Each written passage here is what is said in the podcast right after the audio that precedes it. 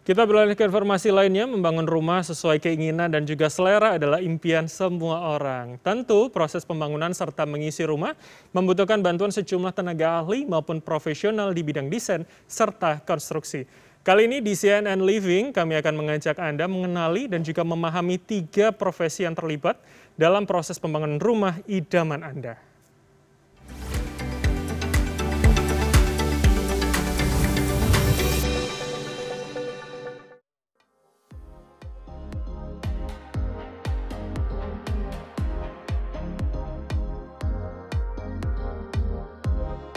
Saat membangun sebuah hunian idaman, ada banyak hal yang harus direncanakan. Jika Anda tergolong awam dalam bidang desain dan konstruksi, ada baiknya mengenal semua pihak yang akan menjadi penerjemah visi rumah impian Anda. Salah satu profesi yang paling terlibat dalam proses pembangunan hunian adalah arsitek. Lantas, apa peran seorang arsitek? Ini dalam bahasa sederhana ya, kita merancang, mengonsep, menyiapkan gambar teknis, uh, mengawas secara berkala. That's it. Ya, proses perancang tuh uh, mungkin ada ada ada tahapannya buat konsep dulu, terus mengembangkan desain, terus buat gambar teknis pasti kita harus bertanggung jawab akan desain yang kita bangun, uh, yang desain kita rancang gitu ya, uh, supaya bisa diaplikasikan. Pengawasan ranah kami. Kenapa? Kita eh, membantu pemberi tugas untuk memastikan bahwa bangunan yang dibangun mengikuti gambar kami dan gambar peran perencana lain itu sesuai dengan apa yang disepakati dengan owner. Si klien itu harus sadar betul bahwa uh, yang mulai yang harus memulai proses ini semua adalah si arsitek. Klien uh, datang ke arsitek dengan satu tujuan untuk punya hunian rumah gitu ya, untuk punya satu rumah yang pastinya memenuhi kriteria mereka. Mereka pengen ini, pengen itu. Uh, pastinya harus uh, sehat dan lain sebagainya.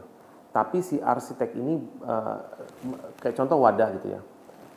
Kafling tanah di satu tempat sama kafling tanah di tempat lain itu punya regulasinya masing-masing.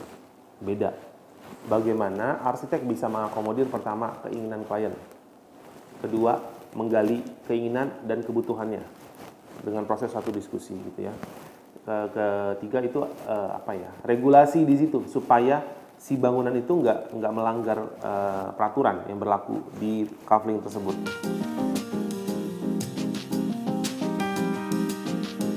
Dalam merencanakan pembangunan rumah, arsitek juga harus berkoordinasi dengan interior designer. Jika tugas seorang arsitek adalah mendesain fasad dan denah rumah, maka interior designer memiliki tanggung jawab untuk mengatur isi rumah agar fungsional dan nyaman. Job desk seorang interior designer ialah saya adalah seorang problem solver untuk suatu masalah yang berada di area dalam dari sebuah bangunan. Nah, jadi kita akan memberikan solusi-solusi yang terbaik, keputusan desain yang terbaik untuk klien itu berupa konsep, berupa function, dan berupa artnya gitu. Jadi terlihat estetis tetapi tetap fungsional. Ketika kita membangun sebuah residensial, tahap awal itu memang yang maju duluan tuh uh, pihak arsitek. Jadi arsitek akan berbincang dengan si klien, lalu uh, interior akan masuk. Mengapa interior harus dimulai dari awal pembangunan, dari awal konsep? Karena ruang dalam itu uh, supaya terjadi kenyamanan di ruang dalam ada garis merah yang harus kita uh, bekerja sama. Uh, jadi integrated karena si klien itu yang memiliki problem. Jadi saya harus menginterview si klien, uh, talk dengan klien dan kita cari solusinya. Jadi misalkan dia ingin sebuah hunian atau residential atau living yang seperti apa gitu. Nah kita lihat nih kontur ruangnya seperti apa yang ada di lapangan. Nah di situ kita akan memberikan solusi. Solusinya adalah yang paling tepat dengan desain seperti ini. Lalu dari situ kita mulai dengan konsep-konsep yang kita tawarkan sesuai dengan keinginan si klien. Nah, saat desain dan spesifikasi yang telah dirancang oleh arsitek dan interior designer sudah siap, kontraktor bisa mulai proses pembangunan. Job dia seorang kontraktor adalah pertama dia harus melakukan perintah kerja dari owner, ya, dari pemberi tugas, bahwa pekerjaan-pekerjaan yang diberikan itu harus sesuai dengan spek, sesuai dengan mutu, sesuai dengan peraturan yang sudah kita kontrak bersama-sama. Apa aja kita harus ikutin. Dan yang kedua yang juga maha penting adalah job desk kita harus uh, on time di dalam uh, melaksanakan pekerjaan kita. Jangan sampai terlambat. Oleh sebab itu, job desk yang kedua juga penting adalah kita membawa, membuat dan melaporkan setiap progres-progres kita, baik di lapangan apa pun di dalam teknis.